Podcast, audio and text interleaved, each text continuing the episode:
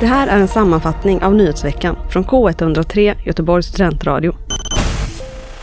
Göteborgs filmfestival får en ny konstnärlig ledare.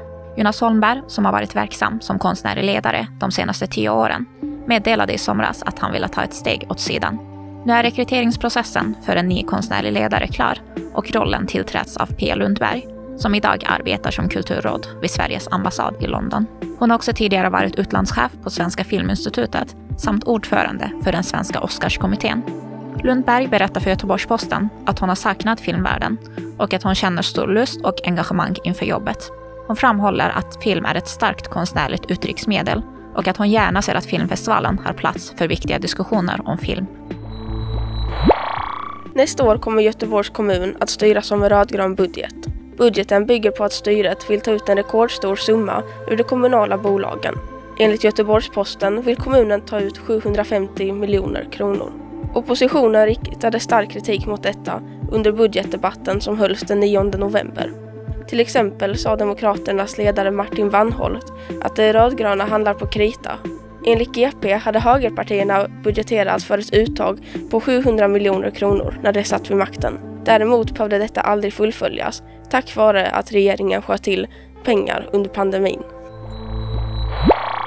Ändrad praxis ska hindra missbruk av uppehållstillstånd för studier. Detta enligt Migrationsverket som mot bakgrund av ett uppdrag från regeringen har presenterat en rad åtgärder för att minska missbruket av uppehållstillstånd för studier.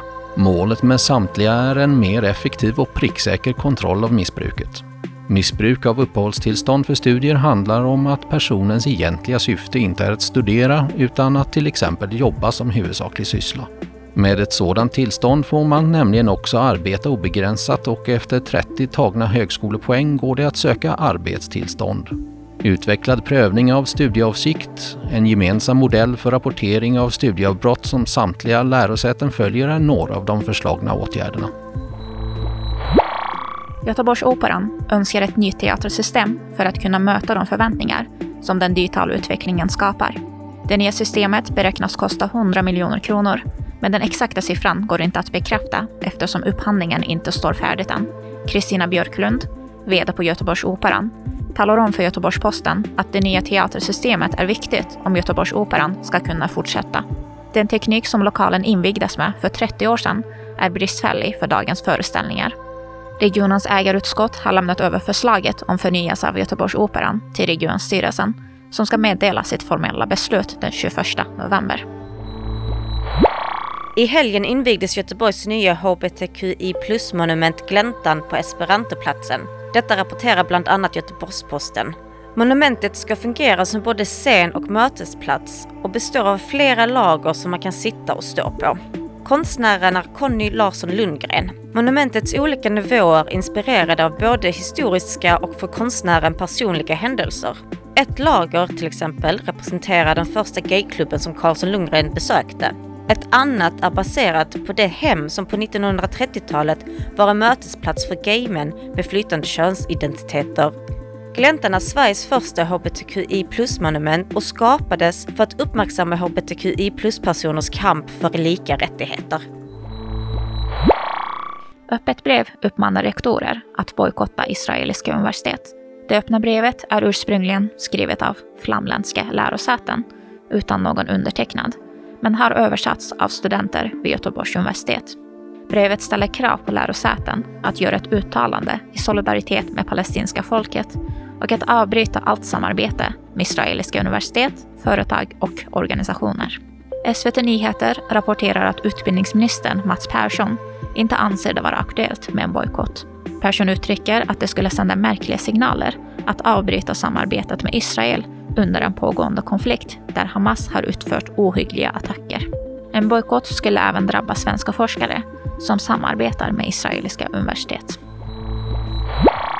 Svensk ekonomi befinner sig i en lågkonjunktur. Statistiska centralbyrån visar på att antalet arbetslösa ökar samtidigt som antalet lediga tjänster minskar. Det innebär att personer varslas och att arbetssökande har det allt svårare att hitta ett nytt arbete. Regeringen räknar med att arbetslösheten kommer att fortsätta öka under 2024. Företagare uppger att de har allt svårare att rekrytera folk med tillräckligt god språkkompetens. Lågkonjunkturer har en tendens att påverka framförallt utrikesfödda, då de inte är lika väl förankrade i arbetsmarknaden. Särskilt svårt är det för kvinnor. Integrationsministern Johan Persson säger i ett pressmeddelande att trenden riskerar att förvärra utanförskapet i samhället och att det därför är viktigt att stärka kvinnors kompetens och att återupprätta arbetslinjen. Svenska konstnären Lapsi Lam är nominerad till Finlands största konstpris, Ars Svennica. Priset utdelas årligen och prissumman uppgår 50 000 euros. Lapsilams konstverk utspelar sig i en saga med undervattensmonster och lånar inspiration från kinesisk dockteater. Det senaste året har Lam också varit aktuell med sin konstutställning Det regnar drakfjäll som har visats på Röhsska museet i Göteborg. Utställningen bestod av nya och äldre verk där konstnären hade tagit till uttryck i bland annat VR-installationer, skuggspel och skulpturer. Andra nominerade konstnärer är från Finland, Norge och Litauen. På Aschvenikas hemsida går det att läsa om aktuella konstverk för samtliga nominerade. Tipsa oss om nyheter på info.k103.se